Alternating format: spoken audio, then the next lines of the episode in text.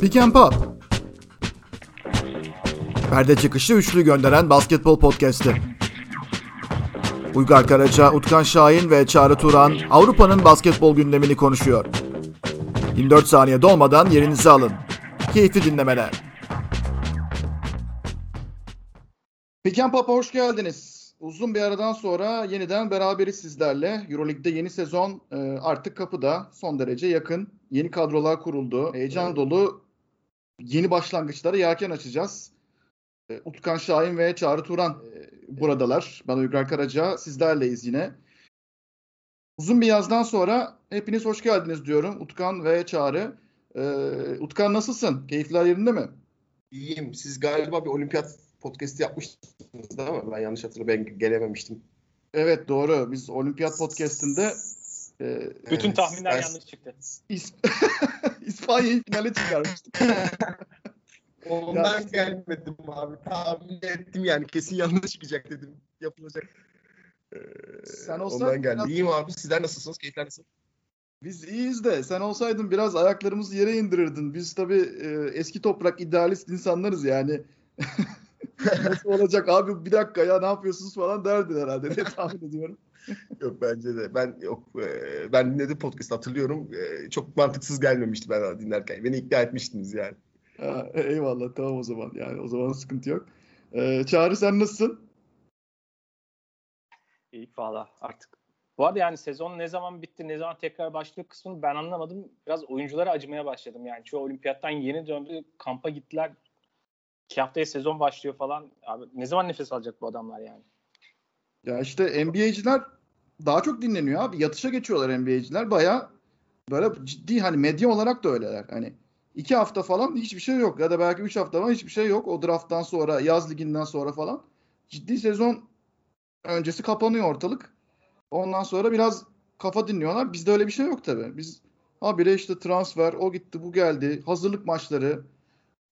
Tabii birkaç gün önce çok beklemediğimiz, yani benim en azından beklemediğim e, bir üzücü haber aldık. Önce onunla açalım dedik. E, maalesef Dušan Ivković Avrupa basketbolunun herhalde yani en başta sayılacak isimlerinden bir tanesi. En en zirve e, kült isimlerinden bir tanesi. Maalesef hayatını kaybetti. Herkesin kişisel bir Dušan Ivković anısı vardır diye düşünüyorum. E, yani kazandığı kupalar, işte o Euroleague şampiyonlukları Olympiakos'la e, domestik seviyede gelen zaferleri ve tabii milli takımla e, hem Yugoslavya ile yani bilhassa Yugoslavya ile olan başarısı daha sonra e, Sırbistan'ın başka bir jenerasyonunu e, devralıp onları da tekrar madalyaya getirmesi ki Sırbistan'ı çok altlarda bir yerlerden almıştı. Yani çok çok farklı bir adamdı. Çok çok farklı bir koçtu. Ee, biraz böyle hani İlkovic'e saygı köşesi yapalım diye düşündüm. Ee, mesela Utkan senin favori İlkovic anın veya İlkovic'le böyle konuştuğun bir an veya İlkovic izlenimin e, nedir? Kesin vardır diye düşünüyorum.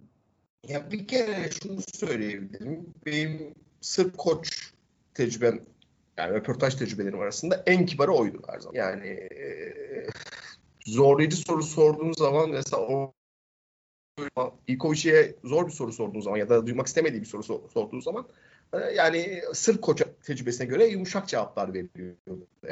Ve e, bu açıdan e, onun aslında karakterini gösteren bir şeydi bence. Yani evet tamam e, yani tabii ki o sertlik içinde vardır. Antrenmanlar elbette zorlu geçiyordur. Ona katılıyorum da e, bir şey tarafı, naif tarafı vardı bence.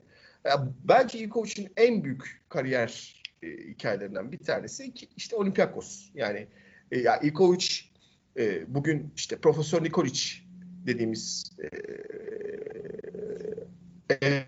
oyun veren ikinci kişidir. Yani Obradovic kazanan bir karakterdir ama Ivkovic yetiştiren, o, o koçların ortaya çıkmasını sağlayan, e, işte birçok koçun yolunu açan, birçok oyuncunun yolunu açan kişidir ki yani sırf basketbolu bugün Avrupa basketbolunun en önemli 2-3 ekolünden bir tanesi ise bu Ivkovic'e sayesindedir ama kendi kariyerine baktığımız zaman öyle çok büyük kupalarla dolu yani mesela orada üç kıyaslaması yapamaz. Evet. İşte o 16 yıl sonra Olympiakos'ta 16 yıl değil mi? 16 yıl sonra Olympiakos'a getirdiği ikinci şampiyonluk hikayesi. Olympiakos'un o kazanamayan, o büyük paralar harcadıktan sonra ekonomik olarak düşüşüp yerli çekirdekle ortaya çıkan o bildiğimiz 2010 2015 2017 arasında damga vuran Olympiakos'un başlangıcını yaratan adamdır. Ve o şampiyonun gelmesi, CSK'ya karşı şampiyonluk falan derken çok özel bir hikayedir ki bir gün belgesel çekilirse Avrupa basketbolun en büyük eksikliklerinden bir tanesi bence bu. Doğru düzgün bir belgesel anlatımımız olmaması. Ee, bu an bence böyle şey e, böyle ikonik yani en filmin sonu şeklinde olabilecek bir e, an bence şampiyonluğu. Özel bir adamdı yani bugün e, basketbolla ilgili ucundan kıyısından alakası olan herkesin saygıyla andığı ki bence bu çok kolay bir şey değil. Bu kadar uzun süre bir basketbol camiasında kalıp hala saygıyla anılmak kolay bir şey değil. Sizin karakterinizi gösterir. En başta söylediğim gibi. E, saygıyla anılan bir insan ve gerçekten ben çok üzüldüm. Duyduğum kadarıyla, okuduğum kadarıyla da galiba bir kuş şey e, güvercin, güvercin. Güvercin. Heh, güvercin beslerken olmuş galiba.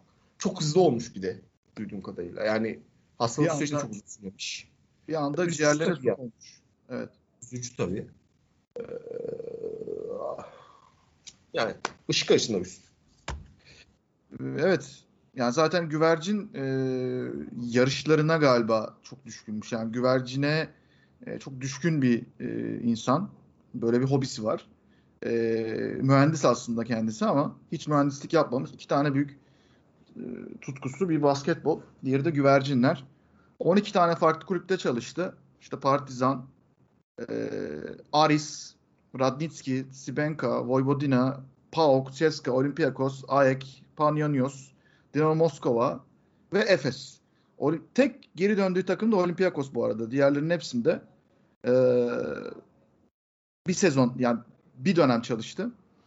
Yani herhalde benim de en unut yani günümüze en yakın galibiyet için olduğu için söylüyorum. O İstanbul'daki Spanulis'i kenara e, alıp işte Sulukas'la Manzaris'le e, Marco Keşeli ile ve e, Papa Nikolaou ile o finali oradan söküp alması o gün e, yani basketbol hafızalarımıza kazındı. E, Çağrı sende var mı böyle bir e, farklı izlenim Ivkovic ile ilgili? Sen, sende ne var ne yok Ivkovic ile alakalı? Ya bir kere yani Sırbistan özelinde en azından daha söyleyeyim. Genel olarak başka belki hiçbir koça karşı o kadar olmayan büyük bir saygı var. Yani ve buna işte Obradovic, Vujosevic gibi çok a, ikonik isimler de dahil. Yani başka türlü bir saygı var diyeyim. Biraz daha eski ve uzun süreli olan bir koç olması, işte önce Yugoslavya milli takımıyla olan kısmı ve daha sonra bir sürü yerde bulunması ve o yetiştirici özelliğinin etkisi de var. Ee, şu her zaman dikkatimi çekmiştir yani böyle biraz daha farklı olarak. En üst seviyede koçların bazıları gerçekten hani belli bir yapı vardır ve onun üzerine onu işte optimize ederek bazı şeylerle oynayarak onu böyle çok iddialı ve şampiyonluk seviyesinde potansiyel takım haline getirirler. Mesela Messi'ne o işte zamanında çok iyiydi. Ama bazıları da sıfırdan bir şey inşa etmeyi, sıfırdan inşa etmek çok başka bir beceri isteyen, başka türlü bir şey. Yani ikisi farklı beceriler istiyor, farklı bakış açıları istiyor. İkisine birden sahip olmak çok kolay değil. Ve işte mesela yakın dönem baktım Messi'nin onu ne kadar yapabileceği konusunda şu an benim endişelerim artık. Emin değilim yani o konuda. Ama mesela Ivkovic neredeyse gittiği her yerde sıfırdan veya çok olmayan bir şeylerin üzerine bir şeyler inşa etti. Yani mesela bu saydığım takımlardan Power Final Four oynadı zamanında. Daha öncesinde çok iyi yoktu yani. Önce Aris, daha sonra işte Panathinaikos o dönem hani biraz daha ön plana çıkan takımlar mesela. Park'ta 90'ların başında Final Four oynadı. Ondan sonra gitti Panionios'a. Panionios dönemini çok hatırlamaz insanlar ama o Panionios Efes'in Koraç'ı kazandığı sene ki o Koraç'ta ne takımlar olduğunu düşününce tekrardan söyleyeyim. Hani bir sonraki sene Final Four oynayan Asfer gibi takımlar da vardı. Evet. Efes'i gruplarda neredeyse eliyordu. Yani Efes İstanbul'da son saniye basketiyle kazandı. Deplasmanda işte Naumoski sakattı bir önceki maç. Oynayacak mı oynamayacak mı? Elenme sınırındaydı Efes. Hani o oradan bir döndü yani. Panionios şu an hani aklınıza her zaman gelecek iddialı bir takım modeli değildir. Panionios öyle bir seviyedeydi. İşte Olympiakos'u bir sınırın ötesine taşıdı vesaire. CSK ile ilgili şöyle bir hikaye var. CSK'nın artık 2000'lerin başından itibaren çok bir anda çok yüksek bütçeli bir takım hale gelmiş. Daha öncesi çünkü böyle bir durum yok. Bir anda Avrupa'nın en tepede oynamaya çalıştığı dönemde o yapının başındaki kurucu isim oydu. Yani o yapıyı belli bir seviyeye getirdik. Ondan sonrasında zaten işte Messi'ne falan devralarak böyle artık şampiyonluk kazanan bir takım haline geldiler. Yani. O Ivkovic ile ilk aslında o adımlar atıldı. Bir şekilde gittiği her yerde çok iyi bir temel atıyor. Ve temel atarken de şunu görüyorsun. Bazen işte oynadığı herhangi bir takımın, işte daha sonra aynısını Sırbistan milli takımında da yaptı. Sırbistan milli takımı bayağı ciddi bir kriz halindeydi. Evet. 2000 yani o 2007 özellikle Avrupa Şampiyonası'nda gelinen nokta yani işte 2003'ten sonrasında bayağı kriz halindeydi. Orayı tekrardan toparlayıp o yeni imeyi kazandırdı. Yani bu gelen olimpiyat madalyalarının arkasındaki yani bence en çok teşekkür edilmesi gereken isim hala odur. Temeli atarken mesela bir herhangi bir böyle, e, Ilkovic takımında işte sezon başında bazen bakarsınız parçaları falan. Ya sanki biraz daha iyi oynaması lazım. Biraz daha keskin olması lazım. Sanki biraz daha fazla olabilir diyorsunuz. Çok tatmin etmiyor falan. Sonra sezon sonuna geliyorsunuz. Bu her zaman oluyor demiyorum ama çok sıklıkla yaşandı. Böyle rakiplerin karşılık vermekte zorlandığı, onları bozan böyle daha kompleks oynayabilen başka bir takım çıkıyor. Yani Olympiakos öyle bir takımdı işte mesela. Özellikle işte son kazandığı şampiyonlukta falan. Bir anda böyle sanki zor maçları, o zor takımlara karşı da ayakta durabilecek başka bir şey ikna ed- e, inşa ediyor ve o parçaları böyle başkası o kadar çabuk göremiyor ama başka bir vizyonu var. Yani o kaos içerisinde, belirsizliğin içerisinde bir şeyleri görüyor ve ileriyi görerek ona göre bazı adamları adımları atabiliyor yani. Ee, mesela gene aklıma geldi. Ayak'ta çalıştığı dönem Olympiakos'tan sonra. Ayak'ta işte bir Euroleague'de son dörde kalmışlardı gene iki sezon ikisinin ayrıldığı sezonda. İbrahim evet. Kutlay'ın olduğu sezon. İşte Panathinaikos'u zorluyorlardı. Panathinaikos'u yenip kupa kazanmışlardı. Saporta'yı almışlardı. Saporta'yı aldıkları sezon Kinder'i yendiler ki o Kinder kadrosunun ne olduğunu düşününce ertesi sezon Euroleague'i almıştı o Kinder. Yani bir yandan tip başarıları hep olan bir adam. Ama böyle çok böyle her zaman en tepedeki takımlarda o profillerde olmadı. Biraz daha böyle onu zorlayacak, o takımları hep bir üst seviyeye çıkaracak adımları atan bir kişi oldu. Ee, mesela o ayakta kurduğu yapı da bir şekilde pek çok genç oyuncu oradan çıktı işte. Yani burada Dikudisi'nden Boris'e kadar ilk onunla oynamaya başladılar bazı. En azından ilk dakikalarını onunla almaya başladılar bir kısmı. Ondan sonra o takım işte bir kere şampiyon oldu yani. O ayrıldıktan sonra devam ettiler. İşte o takım mesela Yunanistan milli takımının temeli oldu oradan pek çok oyuncu. İşte 90'lara geliyorum Fasulas'ın Park'taki çıkışı, Panionios'ta Kadaisis vardı, Christodoulou vardı. Mesela yani Yunanistan basketbol Sırp basketbol kadar neredeyse hizmet etmiş birinden bahsediyoruz bir yandan. Hep bir şeyleri geleceğe yönelik inşa eden farklı bir idealizm yapısı olan bir insandı ve özellikle bazı kişilerin bu tip durumlarda eskiden bir arada çalıştığı, ona yakın olan insanların ve özellikle de oyuncuların onda bıraktığı intibayı düşünce şey diyor yani bir yandan işte onun da molaları ünlüdür yani. Molaların hatta bir tane Sırbistan'ın bir Avrupa Şampiyonası elemesi maçı falan var. Eğlenceli de yani YouTube'da o ilk koşma olarak içinde de ayrı bir efsane olan böyle bir bağırdı ve bayağı sert ifadeler kullandığı mola. Şimdi oyuncular o kadar sert davranırken bir oyuncularla gerçekten o bağlı olmak, o şefkat ilişkisini kurmak kolay değil. Onu yapabildi. Onu hep yaptığı o bağ hep korumuş yani. Bir sürü oyuncusuyla hala sürekli olarak o onlar ayrıldıktan sonra bile iletişimi olan, ona destek veren, onun geleceğine yön veren ve bunu oyuncuyu ikna eden oyuncunun ona göre de e, o sunduğu yol haritasında oyuncunun ileri adım atmasını sağlayan bir kişi oldu. E, çok başka bir yeri var. Yani biraz idealistlikle beraber o yeni çağa adım adım yani 70'lerde başladı üst seviyede koçluk yapmaya. Yani 50 seneden bahsediyoruz. Evet. Çok kolay değil yani. E, o yüzden bambaşka bir yani figür. Hani diğer iyi üst seviye koçlardan çok ayrı bir isim o açıdan. Evet.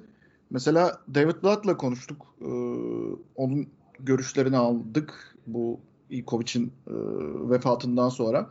O da şunu diyor. Birkaç koçta olmayan, ya birkaç koçta olan sadece bir özelliği vardı. O da hani kendi takımımıza karşı oynayan bir takımın koçuysa o sahada veya saha dışında onun orada olduğunu hissederdiniz. Ne olursa olsun. Ee, yani kendince bir oyun anlayışı veya kendince bir etiği, kendince bir prensibi vardı ve onu takımlarına hangi takım olursa olsun e, yansıtmayı başarmış biridir. Ve hani gelip de sizin omzunuza dokunduğu zaman ki bunu diyen de David Blatt e, Hall of Fame'e hani aday gösterilen e, bir efsaneden bahsediyoruz. Omzunuza dokunduğu zaman artık yani siz olmuşsunuz demektir. Yani size saygı duyuyorsa tamamdır. O iş şeklinde bir e, figürdü şeklinde yorumlamıştı. Dediğiniz gibi evet belki çok öyle inanılmaz fazla kupalar kazanmadı. Yani gerçi farklı kupalarda kazandığını görüyoruz. Mesela kaybettiği kupalar da var. Bunlardan biri 1992 Kupa Galipleri Kupası'nda PAOK. E, Bane Prelevic'in orta saha civarından gönderdiği bir üçlükle skoru eşitlemişlerdi Real Madrid'e karşı. Sonra işte Mark Simpson'a yapılan faul Real Madrid'li. Faulleri kaçırıyor. Fasulas e, Çağrı sen bahsettin. Topu oyuna sokacakken Ricky Brown'a veriyor Real Madrid'le o dönem ve Ricky Brown son saniyede ah piyango buldum diye topu e, yakın mesafeden e, çembere gönderiyor. Kaçan bir şampiyonluk mesela o da. Yine 2010 Dünya Şampiyonası bizim mutluluğumuz ama e, ve Sırbistan'ın da büyük bir yürek e, ağrısı vardır. Çünkü o takım gerçekten çok iyi bir takımdı. Hatırlarsınız 2009'da final oynadıktan sonra e, Eurobasket'te. E, bizimle yarı final oynamışlar Dünya Şampiyonası'nda. Belki ABD'yi de yenebilirlerdi. Yani olmaz diyemem. Ama e, işte biz o gün daha iyi olan taraf ya da daha biraz daha son bölümde şanslıydık. Hani Kerem'in orada bomboş turnikeye gitmesi bir anda. E, güzel bir e, anıydı bizler için ama onlar için bayağı bir yürek ağrısı. Tabii daha sonra Semih'in de bloğu vardı. Ivkovic her şeye rağmen bir set hazırlamıştı. Yani Ivkovic'i herhalde konuşa konuşa bitiremeyiz e, bu bölümde veya işte ne bileyim oturup birkaç tane belgesel çekmek lazım. O yüzden e, burada sonlandıracağım e, Ivkovic'e saygı duruşumuzu. Eğer Sadece ekleyeceğin... bir şey söylemek istiyorum abi müsaitsin. Tabii.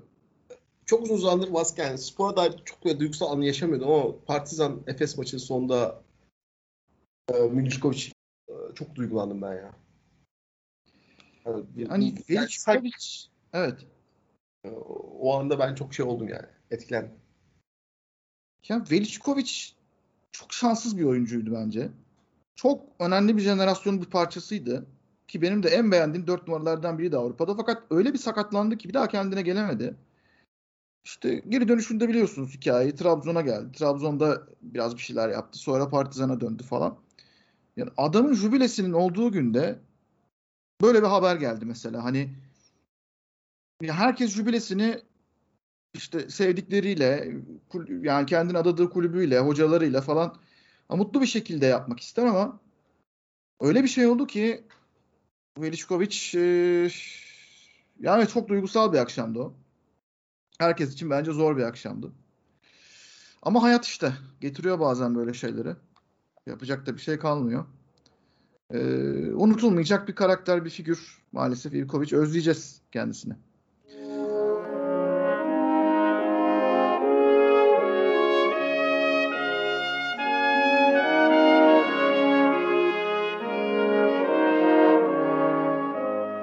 Şimdi Euroleague'de yeni sezon için takımlar artık e, son şekillerini veriyorlar ve biz de bu e, değerlendirmeleri iki bölümde yapalım dedik.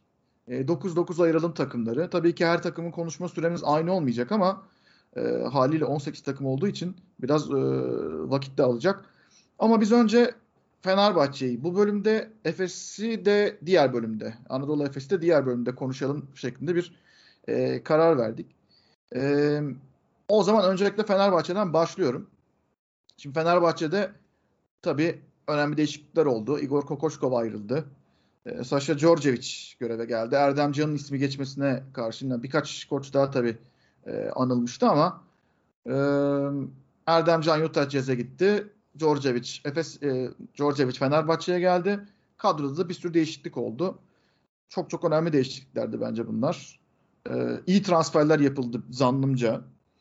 E, Maria Şayok geldi, Şehmus geldi, İsmet Akpınar geldi. E, guard rotasyonunda e, önemli değişiklikler. Bu bir taraftan Tarık Biberovic gelişiyor. Dekolo e, nasıl bir lider olduğunu zaten bir kez daha olimpiyatta bir kez daha gösterdi. Pierre Henry geldi. E, Polonara geldi. Çok önemli bir transfer daha bence. Hani oynadığı süre ne olur, rolü ne olur bilemiyorum ama e, ilk hazırlık maçlarında ben Fenerbahçe Beko'da biraz daha savunma olarak geçen seneye göre daha değerli toplu, daha stabil bir takım oluşabileceği izlenimini aldım. E, tabii her şey çok yeni daha. Sadece kağıt üzerindeki şeyleri konuşuyoruz. E, mesela Çağrı sana sorayım. Sen nasıl buldun Fenerbahçe yeni sezon yapılanmasını? Ee, bir şu tarafı var. Yani bazı eksik pozisyonlara biraz daha güvenilir oyuncuların dahil edilmesi var. Yani bazı eksiklerin kapatılması işte. Bir şekilde biraz daha agresif ve delici oyuncu rolünü olacak. Savunmada da daha katkı sağlayacak ve işte guard rotasyonunu biraz daha rahatlatması açısından işte Pierre yani anlamlı bir transfer. Polonara bir şekilde de daha stabil bir dört numara ve aynı zamanda içeriye de sertlik getirecek bir oyuncu olarak hani çok anlamlı. Oraya dolan yani bunun gibi transferler var. Onun dışında pek çok oyuncu e, yani yeni gelenlerden kaç tanesinden acaba bu ana rotasyona sürekli iyi katkı alabilecek oyuncu olabilecek o konu biraz belirsiz bence. Yani özellikle Türk rotasyonu da tabii biraz e, çok aman aman gözükmüyor gözüme. Ama yani bir sürü oyuncu bir şekilde hani o e, resme dahil olacak oyunculardan işte Sherlock, Booker vesaire. Bunlardan ne alacağı biraz e, Fenerbahçe'nin gidişatını belirler gibi duruyor. Orada tabii şu var. Bu tip böyle varyansı yüksek görünen takımlarda yani bazı oyuncular vardı vardı işte tavanı ve taban arasında biraz geniş fark vardı ve takım ve takımın nasıl yönetildiği onu daha stabil ve daha yukarı çeken bir yapıda olur. Şimdi orada da koç faktörüne giriyorsunuz. Şimdi Djordjevic yani bana hiç kariyerin hiçbir anda güven vermeyen bir antrenör ve bunu sürdürülebilir ve stabil olarak bunu yapabileceği özellikle de zor maçlarda sezonun sonuna doğru bunu kaldırabileceği alakalı bende çok fazla şüphe uyandırıyor. Bu hani soru işaretlerinden bir tanesi. Diğer soru işareti şu. İşte sezonun mesela bitmemesi, uzun olması, ara olmaması gibi şeyden bahsettik. Fenerbahçe'nin hala merkezindeki, temeldeki iki oyuncu görece riskli risk faktörü biraz daha yüksek oyuncular. Bir tanesi hani belki de konu biraz daha yeşil olmasıyla da alakalı ama yaştan çok sakatlığa çok yakın oyuncular. Yani çok sezon içerisinde sakatlık geçiriyorlar artık son yıllarında. İşte biri gidiyor gittikten sonra kendini tekrar formunu bulması derken onu ne kadar geri kalan yapı kaldırabilir? Ee, orada da başka bir risk faktörü var. O yüzden hani biraz tabanıyla tabanı arasında böyle yüksek bir fark gördüğüm bir takım Fenerbahçe ve ne olacağını dair bence bende güven vermesinden çok soru işareti barındırıyor bu yüzden. Ve onun da hani en tepedeki noktası bir şekilde aslında koça bağlanıyor ve orası bence çok çok büyük bir soru işareti. Evet, koçla ilgili herkesin kendince zaten endişeleri var. Neden var? Çünkü ortada bir CV var, ortada bir yaşanmışlık var, ortada e, kritik maçlarda alınan kararlar ve kritik maçların çoğunlukla kaybedilişi falan gibi bir takım faktörler var. Ee, ben kurulan kadroyu açıkçası beğendim. Yani işte guard rotasyonu, derinlik, e, farklı özelliklere sahip olma e, babında fena olmadı bence. Yani Şehmus orada başka tipte bir oyuncu. İsmet Akpınar egosuz, gayet sıkı işini yapan, iyi savunmacı. Şayok e, üretken, dekolo, lider. Henry yırtıcı e, gibi. Mesela işte Henry ile e, Pierre'le, Davşan Pierre'le mesela Polonara Veseli ile kurulacak bir beşin e, oraya bir başka isim de daha gelecek tabii ama e, yani çok sert savunma yapabilecek bir kapasiteye sahip olacağını düşünüyorum ben. E, Utkan sen neler düşünüyorsun? Olumlu, olumsuz veya ortada? Ya şöyle. Bir açıdan ben Fenerbahçe'nin kurduğu kadro beni sezon başına yani kadro kurulurken heyecanlandırdı. Çünkü e, yani özellikle Henry'de, Polonar'da çok beğenen bir birisiyim. Ama işte orada Devin Booker transferi dışında ben Fenerbahçe'nin kağıt üzerinde transferde sıkıntı olacak ya da ya bu hamle neden yapılabilecek bir hamle görmedim açıkçası. Ve geçen sezonki kadroya göre bu sezonki kadronun yetenek tavanı e, yapabileceği şeylerin çok daha yukarıda olduğu kesin. Ama bu kadronun koç etkisine ihtiyacı var. Neden koç etkisine ihtiyacı var? Ee, şimdi Dekolo'yla Herni Herni çok beğenen bir isim ama mesela çok uyumlu bir ikili değil. Yani Herni'yi topu elinden aldığın zaman topsuz oyundaki verimliliği oldukça düşük bir oyuncu. Konsantrasyon dalgası oldukça değişken bir oyuncu. Yani Herni kafası yerinde değilse, maçta değilse size maç içerisinde 8 tane top kaybı yaptırabilir. Dekolo yaptırabilir. Diğer taraftan Henry bir anda size son çeyrekte maçı da aldırabilir. Dekolo size gene son çeyrekte maçı aldırabilir. Ve bu ikisi de toplu oyunda daha verimli olan oyuncular. Topu elinden aldığınız zaman oldukça verimli düşen oyuncular. Özellikle Dekolo'nun geçen sezondan sonra. Yani Dekolo, Teodos ile beraber evet eskiden topsuz oyunda da verimli olan bir oyuncu. Da son senelerinde daha çok artık topla verimli olan bir oyuncu. Fenerbahçe kariyerinin üzerinde konuşursak. Şimdi burada bir uyumsuzluk var. Bu uyumsuzluk çözülebilir mi? Çözülebilir. Elinizde iyi bir koç varsa bu problemleri maksimize bir şekilde zaman içerisinde, sezon içerisinde dakikalarını ayarlayarak, rollerini değiştirerek, farklı beşlerde kullanarak, farklı anlarda kullanarak çözebilir.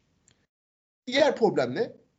Ee, işte 4-5-4-5 rotasyon çok uyumlu olmaması. Şimdi Polnara benim çok beğendiğim oyuncu. Yani işte Fenerbahçe bu sezon bir oyuncu almasını istese ben Polnara'yı almasını isterim. Ama Bartel'inde kaldığı senaryoda Fenerbahçe çünkü ben Polonara mesela 4 numara da görmüyorum. Onu da düzelteyim. Söylemeyi unuttum. 4 numara olarak da görmüyorum.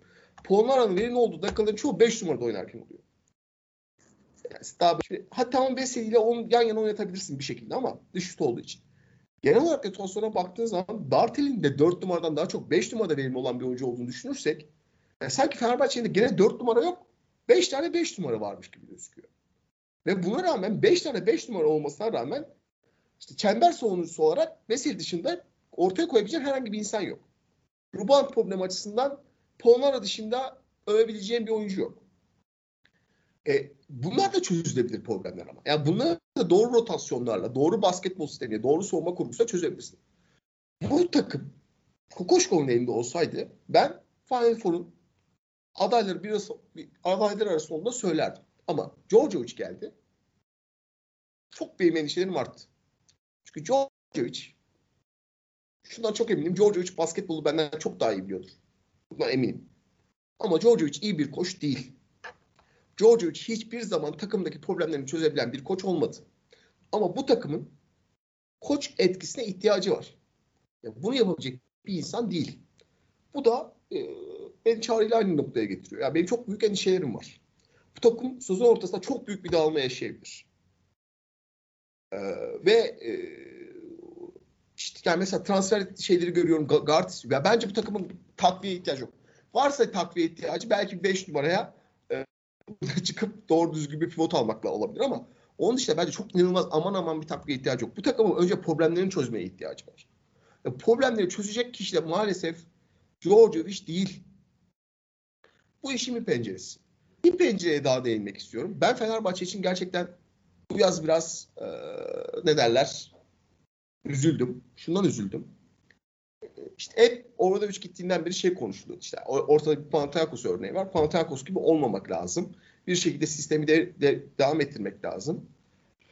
Şimdi Kokoşkov'un hatası vardır. Kokoşkov'un yaptığı doğrudur, yanlışlara girmeyeceğim. Bence yani bir insan Avrupa kariyerini hiçe atacak şekilde. Çünkü ben artık Kokoşkov'un Avrupa'da çalışma şansının kaldığına inanmıyorum. Çok zor geliyor bana. Hiçe sayacak şekilde bir kulüpten ayrılıp NBA'ye gitmek istiyorsa bu içeride organizasyonun içerisinde problemler olduğunu gösterir. Fenerbahçe'nin çok açık bir şekilde bence organizasyonun içerisinde problemleri var. Bu problemler de nereden kaynaklanıyor? Baştaki ikilikten kaynaklanıyor. Şimdi Gerardini takımı mı kuruyor? Yoksa Sertaç Bey mi kuruyor? Bence Gerardini kurmuyor. Ben Gerardini hatta bir etkisi olduğunu da düşünmekten vazgeçtim artık. Gerardin muhtemelen sözleşmeleri ayarlıyor, onları yapıyor. İşte içeride bir yap, devam ettirilecek normal organizasyon şemasını hazır devam ettiriyor. Ama takımın kurgusunda, takımın kararlarını alan kişi bence Sertaç Bey. Şey, e, Gerardin değil. Yapan her kişi Sertaç Bey. Sertaç Bey'in de basketbol aklında dair ben daha önce hiç olumlu bir şey görmedim. Ve bu yapı çalışması Panathinaikos'ta olmadı. Yani sivrilmeye çalışan, e, işte kendini taraftara sevdirmeye çalışan, taraftar gibi konuşan Orada da başkan vardı, kulübün sahibi vardı. Burada da Sertaç Bey var. Ben bunun doğru bir yapı, doğru bir bakış açısı olduğunu düşünmüyorum. Belki bu söyledikleri Fenerbahçe taraftan canını sıkacak. Ee, işte daha sezon başlamadan olumsuzluk yağıyorsunuz diyecekler ama e, bir koç Avrupa kariyerini hiçe atarak çünkü çok açık bir şekilde yani bilmiyorum siz farklı mı düşünüyorsunuz ama ben artık Kokoşkov'un bu yaptıktan sonra Avrupa'da çalışma ihtimali olmadığını düşünüyorum. Böyle bir karar alıyorsa ben bunu sadece yok işte NBA'de head coach olmak istiyorum falan olduğunu düşünmüyorum. Belli ki burada adam huzursuz. Belli ki bu organizasyon içerisinde ona bir alan açılmıyor. E bundan dolayı kaçıyor. Şimdi kaçtıktan sonra seçenekler çok azdı. Öyleydi böyleydi. Gerçekten evet koç yoktu ortada. Koç yoktu. Ama ben Djordjevic'i gene de getirmezdim. Erdemcan'ı burada ben playoff'ta çok eleştirdim. Hatta her zaman da şunu söyledim. Erdemcan'la ilgili yani bir Fenerbahçe takımda head coachluk yapabilecek kadar vasıf olup olmadığını hiç görmedik dedim. Söylediklerimin hepsini hatırlıyorum ama en azından bir basketbol insanı ve bir basketbol e, planlaması içerisinde hareket edebileceğini düşündüğüm için Djordjevic'i tercih ederdim. Djordjevic'in yerine onu alması gerektiğini düşünüyorum. Ama Fenerbahçe Djordjevic gibi oldukça tartışılacak bir isme gitti. Şunu da söyleyeyim. Ben kötü senaryo çizdim. Tam tersi bir senaryoda ilerlesin işler. Fenerbahçe sezona hiç beklenmedik kadar iyi girsin. Normal sezonu ikinci sırada bitirsin, birinci sırada bitirsin, üçüncü sırada bitirsin. İş playoff'a geldiğinde Djordjevic Fenerbahçe'nin üzerine bir yük olacak. Bunu maalesef söylüyorum. Çünkü yani gördük. Daha önce yaşattıklarını biliyoruz. İşte Virtus'ta, Bayern'de, ya Bayern mesela işte Daçka Euroleague aldı sene o Euroleague şey Euro falan büyük saçmalıklardı. Sırbistan'da oyuncular sevecektir bak. Oyuncular oyuncularla çok problem yaşayacağını düşünmüyorum ama olayı çözmekte, sahayı çözmek konusunda çok büyük problem yaşayacak bence Fenerbahçe. Bir de sadece bir şey söyleyeceğim hazırlık maçlarıyla ilgili. Ben ıı, Polnara'yı kullanış şeklini George için hiç beğenmedim. Umarım sadece hazırlık maçlarıdır. Yoksa Polnara'yı bu şekilde kullanacaksa Fenerbahçe'nin gerçekten saha içerisinde çok fazla büyük problem olacak anlamına gelir. Umarım ben haksız çıkarım. Umarım George beni yanıltır ve sezon sonunda evet George bizim düşündüğümüz bir birisi değilmiş. Yakından görünce İstanbul'da görünce daha farklı bir koç olduğunu anladık deriz. Ama bana bu zamana kadar verdikleri ve Fenerbahçe'nin kadrosunu ortada çıkarttıklarından sonra ben açıkçası e, Fenerbahçe için kolay bir sezon olmayacağını düşünüyorum. Ben Djordjevic tercihinin Gerardin tercih olduğunu düşünüyorum. Yani onunla e, rakip olarak veya işte onunla olan e, eski diyaloğunun ağır bastığını düşünüyorum. İtalyan bağlantılarının ağır bastığını düşünüyorum ama e, Kokoşkov'un gidişini de şöyle yorumluyorum sana ek olarak. Yani Kokoşkov Sırbistan bir takımdan da ayrıldı. Kokoşkov Avrupa'yı Avrupa'da takım çalıştırmayı galiba çok sevmedi. Ya da bu ortama belki çok alışmadığını düşündü. Ortamın kendisine uygun olmadığını düşündü. Bir şekilde orada hani Kokoşkov tarafında da bir e, bir hoşnutsuzluk, bir ikna e, edememezlik oldu Avrupa tarafında. Yani çok hoşuna gitmedi belki burada oynanan basketbol bilemiyorum. Ki Erdem Can'la konuştuğumuzda da Erdem Can da sezon içerisinde oynanacak mesela savunma sistemleriyle ilgili e, bazı ikilemlerde kalındığını ve bazı noktalardan da e, baştaki noktalardan sonra Avrupa adaptasyonu dönüldüğünü falan hani söylemişti. Yani Kokoşkov'un biraz kendi tercihinde etkisi var. Yani Fenerbahçe kulübü de e, demek ki e, onu burada kalacak kadar ikna edemedi. E, evet yani bir baskı dönemi olacak. 3-4 ay. Yani şu işte Ocak e, ayına kadar falan. Yani o Noel arasına kadar falan Fenerbahçe üzerinde gözler e, onun üzerinde olacak. Takımın üzerinde olacak. Polonara ile ilgili de Polonara'da şunu sorduk. Hani ben de senin dikkat ettiğin şeye dikkat ettim. Yani Djordjevic'le konuştunuz mu? Hani bu sezonki rolün için geçen seneden farklı gibi gözüküyor. Yok dedi Djordjevic'le henüz bir şey konuşmadık. Ee, dedi biraz topu çevirdi aslına bakarsan. Ee, yani işte ben 5 dakikada oynarım, 20 dakikada oynarım bana fark etmez. Hani hangi oyun pozisyonu olursa olsun fark etmez şeklinde. Ama hafif bir kaygılandırmadı değil beni de. Ee, yani çünkü bu kadar oyuncuyu aldınız kullanmanız lazım. Ee, kadro bence iyi bir kadro.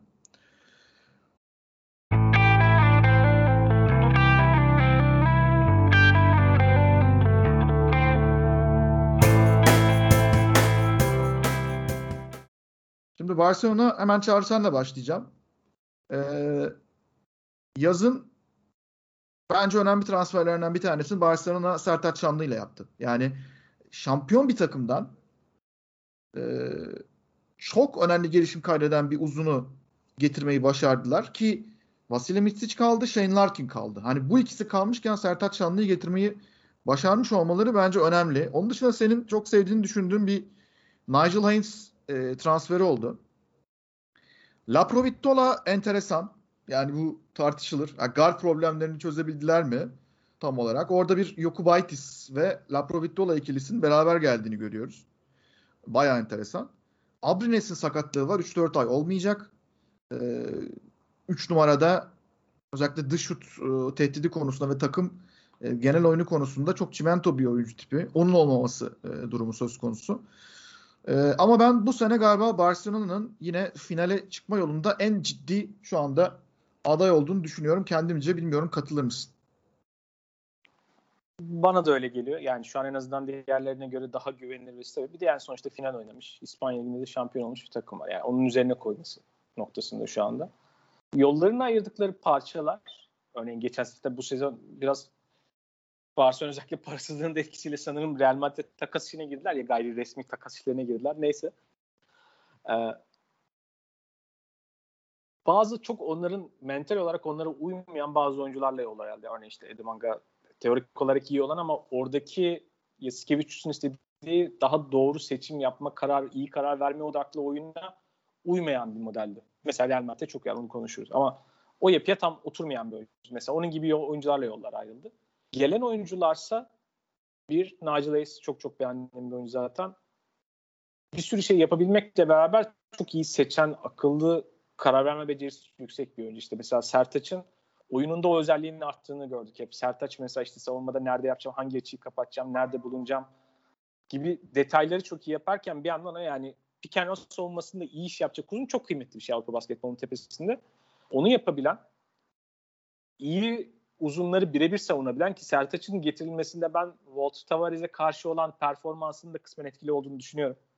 Çünkü evet. gün sonunda Barcelona Real Madrid o fair fail opponent kavramını yaşayan takım. Yani hep bir göz ucunda oraya bakıyorsun. Bakmak zorundasın da. Bunu kıyaslayan şey bir yandan kendi takımı daha stabil, daha Yasikevicius'un istediği yapıya uyacak parçalar edindi. Mesela Yokubaitis şöyle anlamlı. E, hali hazırdaki onların kısalarında bazen yaratıcılık sıkıntısı çekebiliyorlardı. Niye? Çünkü işte, işte Kaletes'in şutunun sıkıntılı olduğu gün çok sık yaşanan bir şey. Geri kalan nasıl yapacak? İşte takımın delici kısaya ihtiyacı vardı biraz. Yokubaitis orayı de, şey yapıyor. E, destekleyecek bir oyuncu. Laprovitola'yı beğenen vardı. Ben beceri yani skill set olarak çok çok beğendiğim bir oyuncu. Özellikle de Juventus döneminden. Real Madrid ona çok uygun olmayan bir yapıydı ve onu çok kullanamadılar. Ama potansiyel yüksek bir oyuncudur ve eğer eline topu verirseniz ve doğru kullanabilirseniz ben Barcelona yapısına uyabileceğini düşünüyorum. Yani çünkü çok farklı şeyleri bir arada yapabilen bir oyuncu. Ama yani o dengeyi yakalama meselesi var. Orada da Yasikevicius'un iyi bir iş çıkarabileceğini düşünüyorum. Ve Yasikevicius zaten şu söyledi. Yani bizim elimizdeki oyunculardan farklı bir oyuncu dedi yani. Farklı bir kısa modeli. O da anlamlı. O yüzden bu transferler çok kendi içinde oturaklı yerine oturuyor. Ee, geçen seneye kıyasla hücumda biraz daha çeşitliliğin artabileceği ve daha efektif olabilecek bir takım görüyorum. Öte yandan Alex abi mesela ama e, sakatlığı falan da biraz can sıkıcı. Çünkü o takımın içerisinde o savunma sertliğini ve yoğunluğunu e, rakibe empoze ederken hücumdan da taviz vermemesini sağlayan kilit 2-3 parçadan bir tanesiydi Alex abimiz. Çok iyi bir çimentoydu. Onun olmaması ve dönse nasıl dönecek konusu hani bir soru işareti. Onun, o tabii biraz kötü oldu onlar için. Ama onun dışında ben hali hazırda geçen sene Yasikevicius'un yaptığı şeyleri, hücumun o kadar stabil olduğunu düşünmeyen ve genel olarak çok belli bir sistemi olan ve onun üzerine aşama aşama diğer adımları atan bir koçun daha da iyi parçalarla ikinci sezonunda çok daha iyi bir takım olacağını düşünüyorum. Genel olarak baktığımızda takımın Yasikevicius'un istediği parçaları koruduğunu görüyoruz. Yani Corey Higgins, işte Kyle Korich ne kadar bir yaş daha yaşlanmış olsa da Brandon Davis, ve Nick Galates. Tabii ki Nikola Mirotic. Ya bu arada sözünü kesiyorum ama şey çok absürt bazen şeyler falan dönüyor dedikoduda. İşte Corey Higgins Yaskevicius'un baskısından sıkıldı Milan'a gidecek. Abi adam sözleşme uzattı yani. Ne yapıyorsunuz? E, yani gerçekten bu tarz e, söylentiler aralarda çıkıyor. Nerelerden çıktığı da belli olmuyor ama e, ya işte biliyorsunuz Mike James Fenerbahçe'ye geliyor hikayesi. Sahte bir hesap tarafından başka bir e, bilinen e, spor gazetecisinin e, ismi adına açılan başka bir hesaptan açıldı ve böyle bir gün boyunca falan adamcağız onu ben demedim. Öyle bir şey yok. Böyle bir e, demecim olmadı böyle bir iddiam olmadı diye kendini açığa çıkar yani kendini temize çıkarmak zorunda kaldı. Yani çok tuhaf bir e, ortam var tabi. E, peki Utkan Yaskevicius'un bu yapısında böyle bayağı bir e, gelişim kaydedebilecek oyuncuları seçmeye dikkat ettiğini gördük tabii. Mesela Yokubaitis Summer League'de bir şansını denedi ama kısa sürdü. Sertaç'ın gelişiminin bir süre daha devam edeceğini düşünüyorum. E, sen tabii Kalates'in bu takımda bir liability olduğunu, bir kritik anda karar verme konusunda e, bekleneni veremeyen bir yapıda olduğunu düşünüyorsun. Guard problemi çözülmüş durumda mı sence Barcelona'da? Seni ikna ediyor mu bu genel kadro yapısı? Ben mesela sizin kadar pozitif değilim. Ben bugün biraz şeytan avukatı gibiyim galiba ama. Yo yo güzel oluyor. Sanki böyle anlaşmışız gibi. Ee, sen olumsuzda falan şeklinde oluyor ama yok öyle değil yani. yani ben minor problemler açısından dediklerinize katılıyorum. Yani Birçok minor problemini çözdü bence Barcelona. Oyuncu eklemeleriyle. Guard rotasyonunda geçen seneye göre daha iyi oldu kesin. Buna da katılıyorum. Ama ve lakin maç sonunda top gene Kayates'in elinde olacak. Çünkü Kayates'ten vazgeçmeyecek.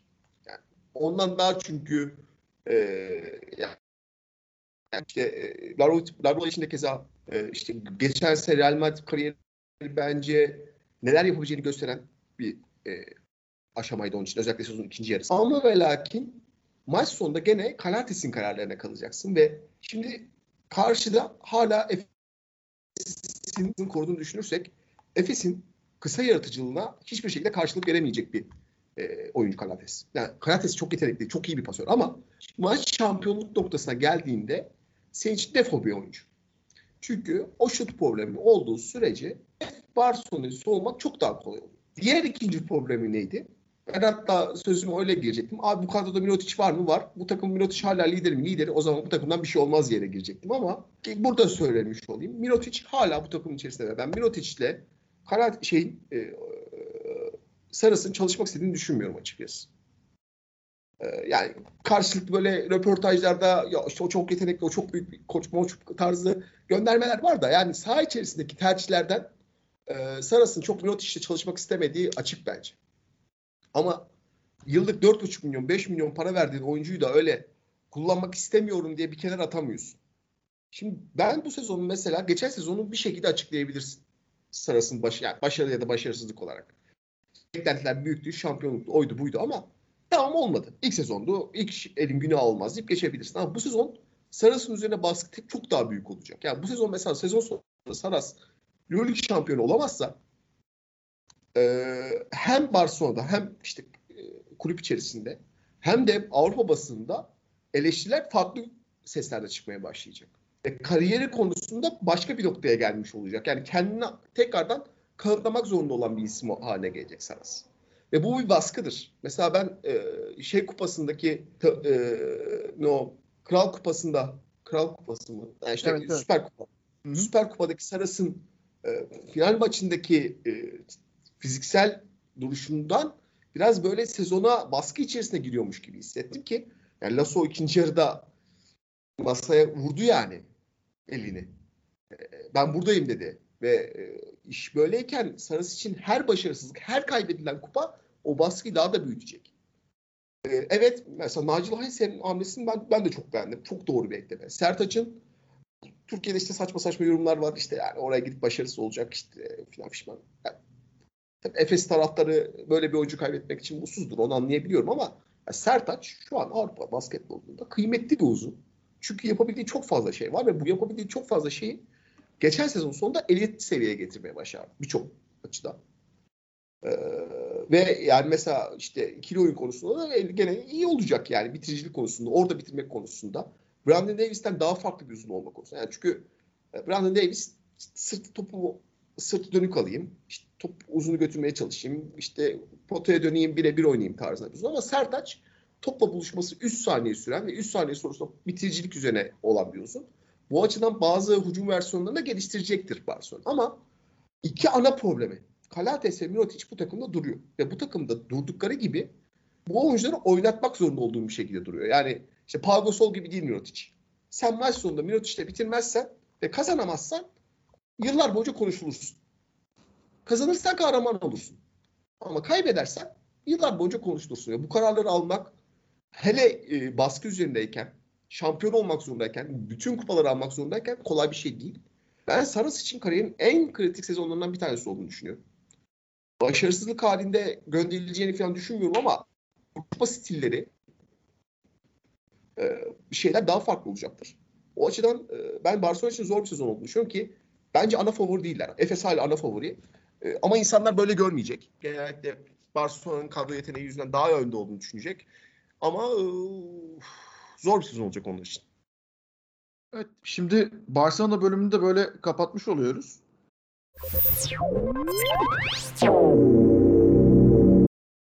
Ee, bir flash transfer e, kontenjanından biraz Monaco'ya girelim dedim ben. E, çünkü dün galiba resmileşti. Mike James e, Monaco'ya katıldı. Euro Cup'ın geçen seneki sürpriz şampiyonu. Zvezdan Mitrovic Euroleague'e geri döndü. Azvel'le başardıklarından sonra Azvel'i gerçekten çok böyle e, oynamak istemeyeceğim bir e, deplasmana giderken oynamak istemeyeceğim bir takım haline getirmişti. E, Monaco'yu burada izledik İstanbul'da. İstanbul Cup'a katıldılar. 3 e, uzatmaya giden bir e, Partizan maçı oynadılar. Şu anda biraz dağınık gözüküyorlar açıkçası. E, geçen seneki parçaların bazıları kaldı. Rob Gray kaldı mesela. E, Rudy Demahi aynı şekilde kaldı. E, yeni oyuncular eklendi. Donatas Motianas Avrupa'ya geri döndü. E, Leo Westerman geldi. Yani Euroleague tecrübesi. Brock Motum geldi. Fakat Mike James burada enteresan bir noktaya oturdu şu anda. Bence Mike James hem aradığı takım hem aradığı ortamı e, her hafta böyle sansasyon yaratacak e, sosyal medyada çok konuşulacak performansları sergileyebileceği, kimsenin de ona bir dakika neden en önemli şutları sen kullanıyorsun e, diyemeyeceği e, bir ortamda. Bir de Monte Carlo'da yaşayacak yani sonuçta Mike James'in sevebileceği bir ortam olduğunu düşünüyorum. Hani Moskova ile kıyasla. E, bilmiyorum katılır mısınız? Çağrı nasıl değerlendiriyorsun genel olarak Monaco'nun bu seneki Euroleague şanslarını ve Mike James hamlesini diyeceğim. Ya Monaco'nun Donetsk projesinin dağılmasından sonra yarı resmi Ukrayna milli takımı olarak Euroleague'deki bir senelik macerası eğlenceli olacak. Özellikle Rus takımlarıyla eşleşme için sanırım böyle tabii orada sanırım CSK'ya karşı böyle Ukrayna hamlesi gibi oldu Mike James. Evet. Ya bilmiyorum açısı. Son çok onların da beklentileri yok. Bir şekilde ellerindeki bütçeler ölçüsünde getirebildikleri kim varsa getirip onlardan bir şey yapmaya çalışıyorlar. Yani Motoyunas gibi ilginç transferler var çünkü o yüzden. Yani şu, kariyerinin şu döneminde ilginç gördüğüm isimler var. Jveldan Mitrovic'ten çok emin değilim. Yani bu takımın biraz daha potansiyelli oyuncular var ama daha yukarıyı tehdit edip yani playoff için potansiyeli olabilen bir takım olması konusunda Mitrovic işte çekincelerimin olan bir isim. Yani daha fazlasını yani sınırlı kaynaklarla evet güzel bir şeyler yaptı hep her zaman ama nihai sonuç alma noktasında o da orayı böyle son adımları çok atamamış bir koç. Biraz orası şüpheli. Bir de kendi sahalarında oynamayacaklar değil mi? Yani sadece Monaco'da oynayamayacaklar. Sen Mantiv'de oynayacaklar Euroleague maçlarını. O da gerçi evet. Monaco'da yani çılgın bir taraftarla oynamıyorsunuz zaten. Hani çok şey değil ama yani o da bir ev sahibi avantajı olarak bir takıma muhtemelen zarar verir. Ama yani bu sene Mike James'le beraber tamamen eğlencelik. Ee, güzel bir çıtır çerez takım oldular herhalde. Yani başka bir beklenti olmaz herhalde ama James şey kesinlikle renkli olur. Kesinlikle eğlenceli. Yani bazı maçlarda bazı rakipleri kurulur, bazı koçlara kurulur falan. Zaten dilinin kimliği yok. Kesinlikle eğlenceli olur. Yani Mike James işte biliyorsunuz Ceska'da kadro dışı bırakıldı. Ondan sonra gitti e, NBA'ye. Orada Brooklyn Nets'te e, beklentinin de bence ötesinde bir rol aldı. Bir anda o sakatlıklarla beraber. Ondan sonra tekrar buraya geldi. Hala Ceska'da cezası devam ettiği için kulüpte de antrenmana çıkıyor falan. Çok garip durumlar oluştu gerçekten. Ee, ama bir sene öncesindeki bir röportajında yani daha doğrusu bu sohbetinde galiba Kuzminskas'ta şey diyor Kuzminskas'a ya ben işte Monaco'da oynayabilirim mesela falan diyor yani. yani. Mike James bunları kafasına koydu mu ya da denk mi geldi? Bunları bilmek gerçekten zor. Ee, ama Mateonas'ın o halini İstanbul'da gördüm. İyi değildi. Neredeyse Çin'de unutmuştuk onu. Ee, orada işte biraz daha akil adam olarak Will Thomas'ın gelmesi Monaco'da hani önemlidir. Hani Zenit'te iyi bir sezon geçirdi. Zaten tecrübeli oyuncu. Ee, Utkan senin eklemek istediklerin var mı? Bu Mike James olayıyla ilgili. En büyük fanlarından biri olarak Mike James'in. Bayılırım ya. Ya şey çok açık ama bu sezon yani bilmiyorum ne düşünüyorsunuz ama bir maçta 50 sayı atar bence. Denk getirir. Bir maçta 50 sayı atar. Ee, ve gene şey ne derler ee, bahis tavsiyesi değildir ama ben bu sezon Monaco'ya karşı çok böyle iddia oynamazdım. Çünkü denk getirirler 2-3 takım. Mesela hiç beklenmedik anda Real Madrid deplasmanda falan bir maçta böyle kestirebilirler. Çünkü yetenek tavanı var yani bu takımda işte yani Mike James dediğim gibi bir maçta 45 sayı atsa şaşırmazsın. Yani Montreal'da işte atıyorum 25 sayı atsa bir anda o gün için normal sezonun bu Euroleague şartları altında böyle Monaco'ya karşı çok çok yani bugün de Monaco işte Real Madrid deplasmanda kazanamaz gibi bahis oynamaz. Ama yani çok şey vaat eden ne derler gerçek bir basketbol takımı vaat eden bir takım değil. O takım içerisinde benim çok beğendiğim mesela Paris Lee gibi bir oyuncu var. Hı-hı. İşte ne bileyim e, neden kazandan gönderildiğini anlamadığım Will Thomas var.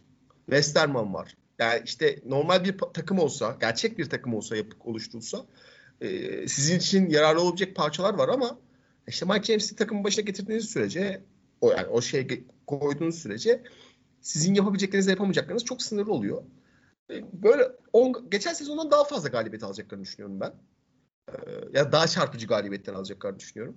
Hatta böyle Euroleague'in kaderini değiştirecek, playoff kaderini değiştirecek galibiyetler de alabilirler ama işte ne bileyim o James geldi, playoff gelecek tarzı bir beklenti o çok bence sürpriz olur. Çok çok büyük bir olay olur. Parçaları gördüğünde mesela Paris değil filan ilgi çekici hamleler olabilirdi. İlgi çekici bir takım olabilirdi. Sert bir takım olabilirlerdi ama işte yani Mark James'tir, Brock Motum'dur, işte e, Montenas'ta filan sizin yapabildikleriniz yapamadıklarınız belli bir yerde sınırlanmış oluyor yani. Mitrovic'le yani, kavga ederler ama kesin bence. Mitrovic çünkü o tarz oyuncuları seven bir insan değil. Yani Rob Gray ile Mike James o topları nasıl paylaşacak? Ee, onu da ben merak ediyorum. Ee, ya bu tarz Euro Cup takımların işleri gerçekten çok zor oluyor. Çünkü tamamen yeni bir yapılanma. Sil baştan başlıyorsunuz. Ee, bir takım oyuncular geliyor. Maçlar üst üste geliyor Euroleague'de falan. Ee, bakalım. Bir şey Enteresan. soracağım. Belki siz hatırlarsınız. Ben o bilgi bana çok çarpıcı geldi. Ee, Mike James Fransa basketbol tarihinin en çok kazanan oyuncusu olacakmış. Evet. İlginç çekici. Yani ne bileyim 90'larda falan vardır diye düşünmüştüm ben. Ya 900 binmiş galiba en büyük kontrat. Büyük para da değil yani. 900 evet. bin bugün Fenerbahçe'nin 6. oyuncusu, Efes'in 5. oyuncusu oluyor yani. yani. Ee, ya o şeyden kaynaklanıyor biraz. Fransa'daki oyuncular NBA'ye gitmeden önce hani birkaç senelerini geçirip sonra bay bay uçuyorlar ya e, okyanus ötesine. Herhalde o aralarda o paralara çıkamıyorlar. Yoksa isimler çok büyük yani. Hani baktığın zaman bu adamlar bu paraları kazanmıştır dersin.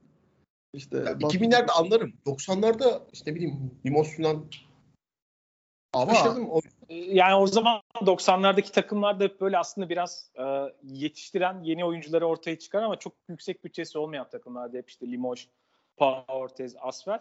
O yüzden anlayabiliyorum yani kısmen ki o dönemdeki hani en Avrupa'nın en tepesindeki oyuncular bile genelde işte 1,5-2 milyon dolar civarında alıyordu. O yüzden kısmen anlayabiliyorum yani o rakam doğru olabilir. 1.4 doğru değilmiş galiba ama 1 milyon dolar 1 e, milyon euro falan alacakmış deniyor. Yani o, Zaten o kadar... gerisini Vatutin tamamlıyor. doğru. Gitsin de aman bizden diye. Çok acayip bir hikayeydi ya. Evet. Ya bir de 90'larda para hani pasta bu kadar büyük değildi diyelim. Ee, ya bu kadar transferlere bu kadar para da ödenmiyordu. Hani kulüpler daha küçük ölçekte çalışıyordu falan. Neyse e, Mike James hikayesiyle Monaco'ya bir an gittik ama Real Madrid'le İspanya'dan kopmayalım derim ben.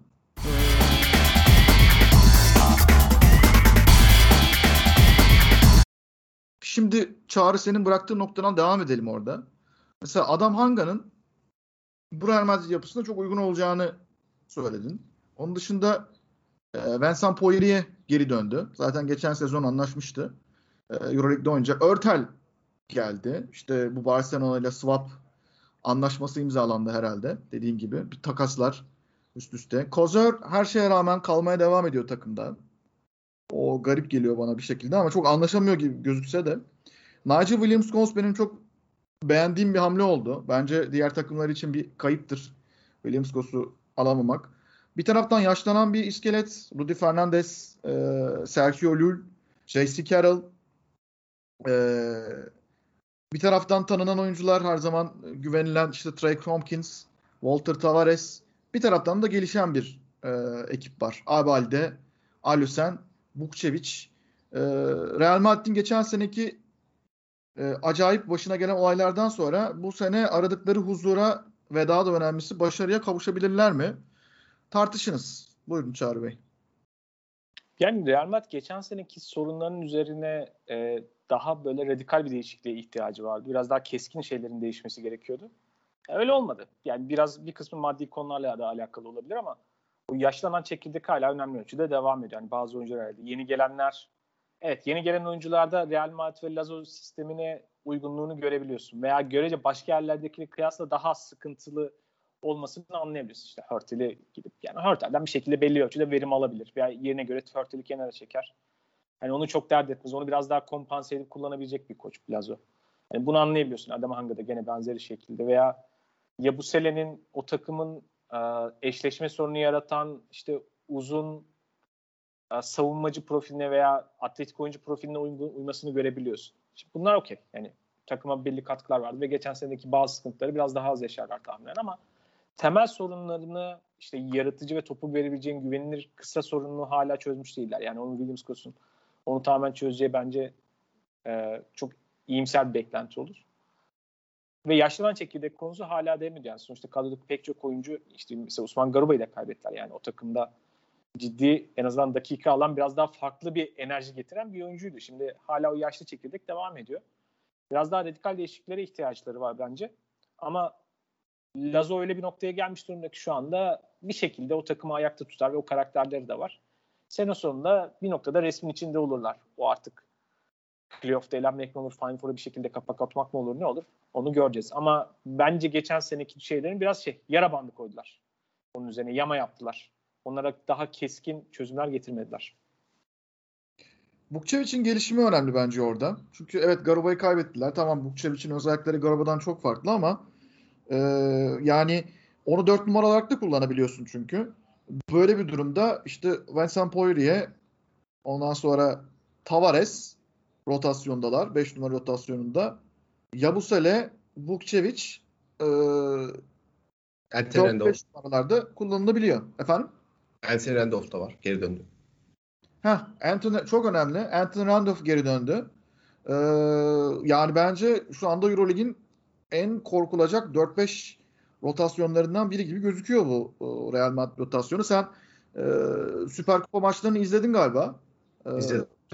Benim izleme şansım olmadı ama Real Madrid'de e, hayat var mı bu sene sence? Ben e, burada mesela daha pozitif taraftayım.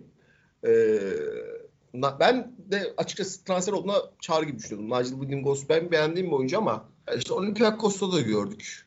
Bazı defoları onun e, sınırlarını belirliyor gibiydi. Ama mesela inanılmaz bir Süper Kupa finali fark yarattı. Şu açıdan fark yarattı. Hörtel e, sahadayken eksi 16'lardı. İşte Gol sahadayken artı 26'lardı ki oyunun temposunu değiştirmeye, o Real Madrid'in tempo basketbol açısından e, çok çok etki yarattı. Yani maçın sonunda Sergio Llull damga vurdu ama Gos'un etkisi çok büyüktü sahaya.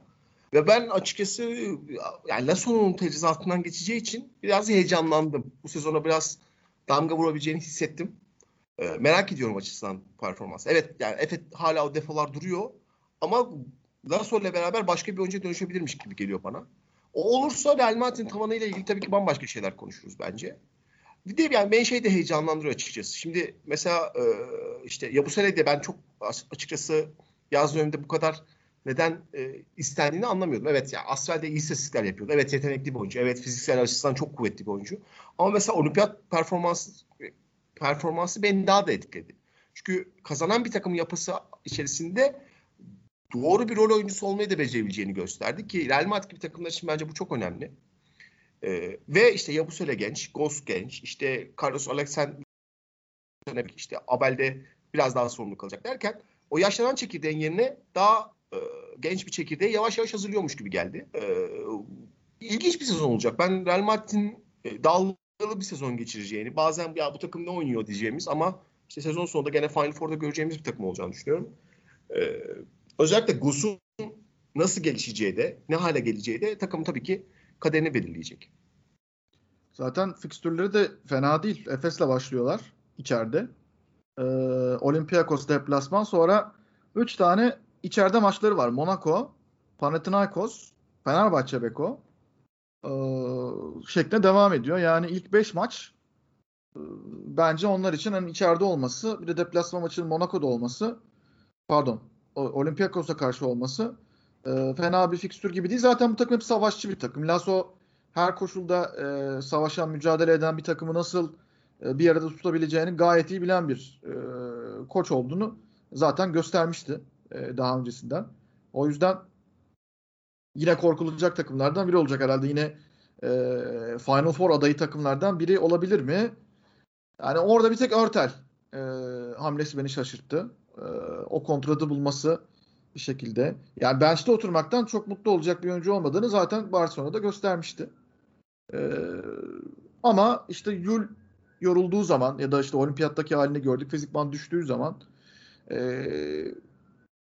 mesela Örtel oradaki enerjiyi değiştirebilecek bir oyuncu. Birkaç dakikada bir maçın gidişatını değiştirebilecek bir oyuncu olduğu için E, o da oradan anlamlı ama Laprovittola değişmesi Örtel'in yer değiştirmiş olması herhalde Barcelona için daha büyük bir kazanç mı acaba gibi düşünüyorum. Gerçi onlar da var olan Örtel'den yararlanamıyorlardı. O da onlar için kayıp ama mesela Anga e, Jeffrey Taylor gibi rakibi direkt bozabilecek bir oyuncu. Tam böyle Lasso'nun ilginç e, maçı koparma hamleleri için çok biçilmiş kaftan bir e, oyuncu tipi. Ve o yeni omurgada gelişiyor. İşte Abalde, Alosen e, bunlar gelişmeye devam ediyorlar. Hörtel'le girilen takasta karşısında 2-3 tane suç şey salsanız bile kazançlı çıkabilirsiniz. Yani bence o çok da Lamobita ile alakalı olan bir durum değil. Çünkü sonuçta Hörtel yani. Evet.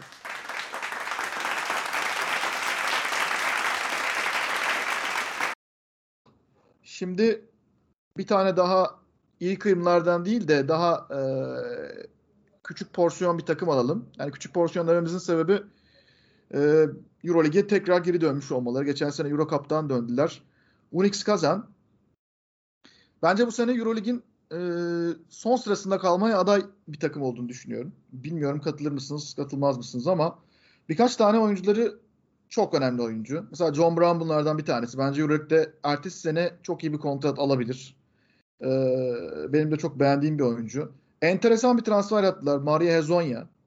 Bir transfer daha yapabilirler. Ondan zaten biraz da Mutlukan bahseder belki.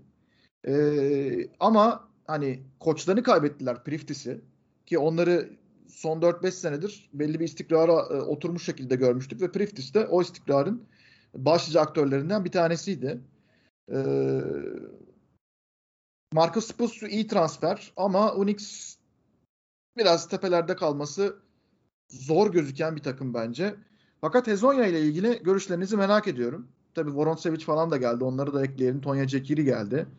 Ee, mesela Çağrı Hezonya Unix ne diyorsun? Perasovic de düşünecek olursak. Ben Euroleague'de son veya son iki sıra diyorum yani. Ya Mike James'le ikisi işte sayı krallığı şeyine e, hani şimdiden bahisler falan oynanabilir. Niye? Sallayacaklar adamlar yani ne yapacak? E, ya kazanın bazı kritik oyuncuların kaybetmesi mesela John Brown'u bence de gerçekten tutmaları sürpriz yani ama mesela kritik yapının temel taşı olan birkaç oyuncu kaybettiler. Onlar için kötü. Koçun tuhaf şekilde sezon ortasında ya koçun gitmesi de şöyle tuhaf bir hikaye var işte EuroLeague'de koçların e, toplantısında Kataş gitti Panathinaikos koçu olarak. Priftis gitti Kazan koçu olarak. Sonra bir hafta sonra Priftis Panathinaikos koçu oldu falan. Öyle absürt bir şey olmuştu. Halihazırdaki takımda yani giden oyunculara bakıyorum, gelen oyunculara bakıyorum. Çok Perasovic'lik bir kadro da görmüyorum. Yani biraz top toplama takım görüntüsündeler. Çok böyle tavanı yüksek, o takım yukarı çıkacak bir oyuncu grubu yok. Perasovic de tam o takımın oyuncusu yani e, koçu değil. Mesela Perasovic son yıllarda görece başarılı olduğu takımda işte Efes'teki bu e, Olympiakos'a 5. maçta elendiği sezon veya işte Baskonya ile Final Four oynadığı sezon böyle birden fazla delici ve skorer kısalarla onların etrafından şekillenen tempolu bir oyun vardı. Şimdi bu takımda onu oynayacak bir yapı da yok. Öyle bir guard da yok yani. Lorenzo Brown'la bir tekle oynayacaksın. Hani oradan bir çıkar yol da göremiyorum. Yani bu takımın daha fazla e, ümit veren, potansiyel olan veya bir, bir şeylerde diğer tepedeki grubu sıkıştırabilecek takım umudunu oradan da görmüyorum. Hakikaten şey yani e, zor sezon bekliyor onları. Evet orada Jamar Smith'in Bahçeşehir'e gelmesi mesela enteresan oldu. Ee, ben Euroleague'de onun tecrübesinden faydalanmayı düşündüler diye e, hesap ediyordum ama e, Bahçeşehir'in de bence başarısızdır o. Yani Jamar Smith önemli skorer. E, tamam yaşı belki ilerledi ama işte en son Fenerbahçe'ye karşı yine hazırlık maçında gayet iyi oynadı. Ee, Unix'in onu kaybetmesi kötü oldu. Bir de böyle çıktığınız senelerde işte dediğim Monaco için dediklerimiz onlar için de geçerli. Yani e, mümkün olduğu kadar eski kadro yapısından birkaç tane oyuncu, 3-4 tane oyuncu kalsın ki takım alışkanlıklarıyla devam etsin. Priftis'in gitmesi mesela hani bir sil baştan yapının e, dönmesine sebep oluyor ama diğer Rus takımları arasında Unix Kazan'ın bu istikrarını ben beğeniyorum. Yani orada Evgeni Bogachev'in sürekli belli bir bütçeyi bulması e, eh, fena transferlerde yapmadı ve kadro istikrarına önem veren bir e, yapıda giden bir kulüp. O yüzden e, benim beğendiğim bir kulüp. Hani Euro Cup, Euro League arası belki geçişlerde biraz daha Euro Cup tarafında kaldı ama e, tabii yani yaz dönemi onlar için bence çok zor geçti. Önümüzdeki yaz daha da zor geçecek diye düşünüyorum. Utkan sen bir de O.J. Mayo'nun e, gelme ihtimalinden bahsetmiştin galiba Onyx kazanı. Ee, ya hem Rus medyası yazdı hem de bizim e, Star Wars yazdı. yani açıkçası ben bu kadroyu ne almam dersen O.J. Mayo'yu almazdım ama çok da şaşırmadım yani. Çünkü Kazan gerçekten çok garip bir kadro kurdu. Yani bu kadro ne oynar ne oynamaz bilmiyorum. Sadece ben de bir bahis önerisi vereceğim. Bu kadro çok açık bir şekilde maç başına 80-90 sayı yer. E, skorerleri de var. Bir 80-70'de o atsa ya bu takım hep üst oynayabilirsiniz. E, buradan bir tavsiye vermiş olalım. Çünkü bu takım yer yani. Zaten Perezovic de çok öyle soğuma çok konsantre olan bir koç değildir. E, ben çok e, açıkçası çok dağınık ama izlemesi nasıl derler? Böyle çirkin takım izlemeyi seversin ya bazen. Kötü takımdır ama izlersin. O tarz bir takım olacağını düşünüyorum. Çünkü e, şey Ojemo'yu alırlarsa zaten Avrupa basketbol için garip bir hikaye olacak. Nasıl dönecek? Ne, ne yapacak? E, ya iyi basketbol oynayacağını düşünmüyorum. Ojemo'nun mental olarak çok büyük problemleri var ama onu burada görmek, ne yapacağını görmek ilginç olacak. Muhtemelen 6 haftalık bir hikaye olurmuş gibi geliyor bana ama e, garip olacak. Ben burada sadece Spüsü'ye üzüldüm. Bence menajer için, ya menajeri kimse otursun bir konuşsun. Yani Spüsü bence Avrupa basketbol için iyi bir e, adaydı yukarı takımlar için. Ama gidebileceği en kötü takıma gitti. E, yani orada ona o alanı, o takım, o topu e, vermeleri çok zor. E, yani Baskonya'ya gitseydi bence onun için çok kariyer için çok başarılı bir hamle olabilirdi. Büyük ihtimal kazan Bas Baskonya da istiyordu. Baskonya'nın verdiğinden iki katı kadar fazla kontrat vermiştir ama bir yıllık Baskonya deneyimi onun kariyerinin devamı için bambaşka bir hale gelmesini sağlayabilirdi. Ee, ya burada işte ya izleyeceğiniz oyuncular var ama basketbol izlemek için değil. Sadece işte o çirkinliği izlemek için izleyeceğiniz bir takım. Ben izlerim sezon boyunca kazanı. İddia da oynarım. Ee, bol bol kazan izlerim. Ama dediğiniz gibi yani sonuncu olur bence. Bu arada Hezonya'nın kazana gelme hikayesini e, dinleme şansınız oldu mu? Donatas Urbonas'ın röportajında vardı. Ee, yani Hezonya Panathinaikos'tan teklif geldiğinde çok mutlu olduğunu, ondan sonra e, yani menajersiz gittiğini görüşmeye, hiç böyle e, detaylara takılmadan çok hevesli bir şekilde e, imza attığını falan söylüyor. E yaz ne oldu? Neden ayrıldın? Orada biraz muamma var. Yani e, şunu diyor Hezonya, bazı şeyleri doğru sıralamada yapmadılar. Mesela işte ben bir tane e, guard onlara önerdim. E, ama onu kabul etmediler. Başka bir garda gittiler. Ondan sonra transfer e, sözleşmeleri mevzu bahis olduğu zaman e, işte Papa Petro'ya e, gittiler. Ondan sonra ha evet. Mitoğlu. İşte Dimos'a söyledim. E, işte burası senin evin. İşte Papa Petro'ya söyledim sen kaptansın hani iyi düşün falan. Ya Hezonya kendisine e, kıdem konusunda hata yapıldığını düşünüyor ve ama bu sorulduğunda da pek öyle demiyor. Yani bilmiyorum ne istediğini çok anlayamadım. Yani takım kurulurken ona mı sorulmasını istedi yoksa kontrat konusunda e, sırasının daha üstlerde olduğunu yani ilk ona gelinmesi gerektiğini mi düşündü? Bir şekilde kendi istediği değeri bulamadığını düşündüğüne dair bir izlenime kapıldım ben. Ee, ya zamanında e, ben niye Messi izlemeye gideyim? Messi beni izlemeye gelsin demiş bir adam mı yani? Ya yetenekli en üzücüsü bu ya zaten.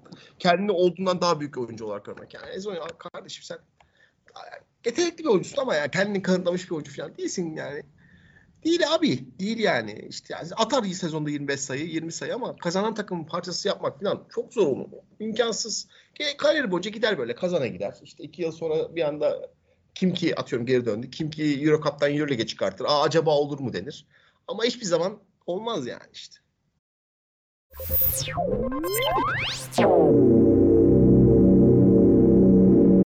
Evet son bölümde de bir tane yine e, Rusya coğrafyasından devam edelim. Geçen sezonun sürprizi. E, geçen sezon Barcelona'ya gerçekten çok zor anlar yaşatan e, Xavi Pascual.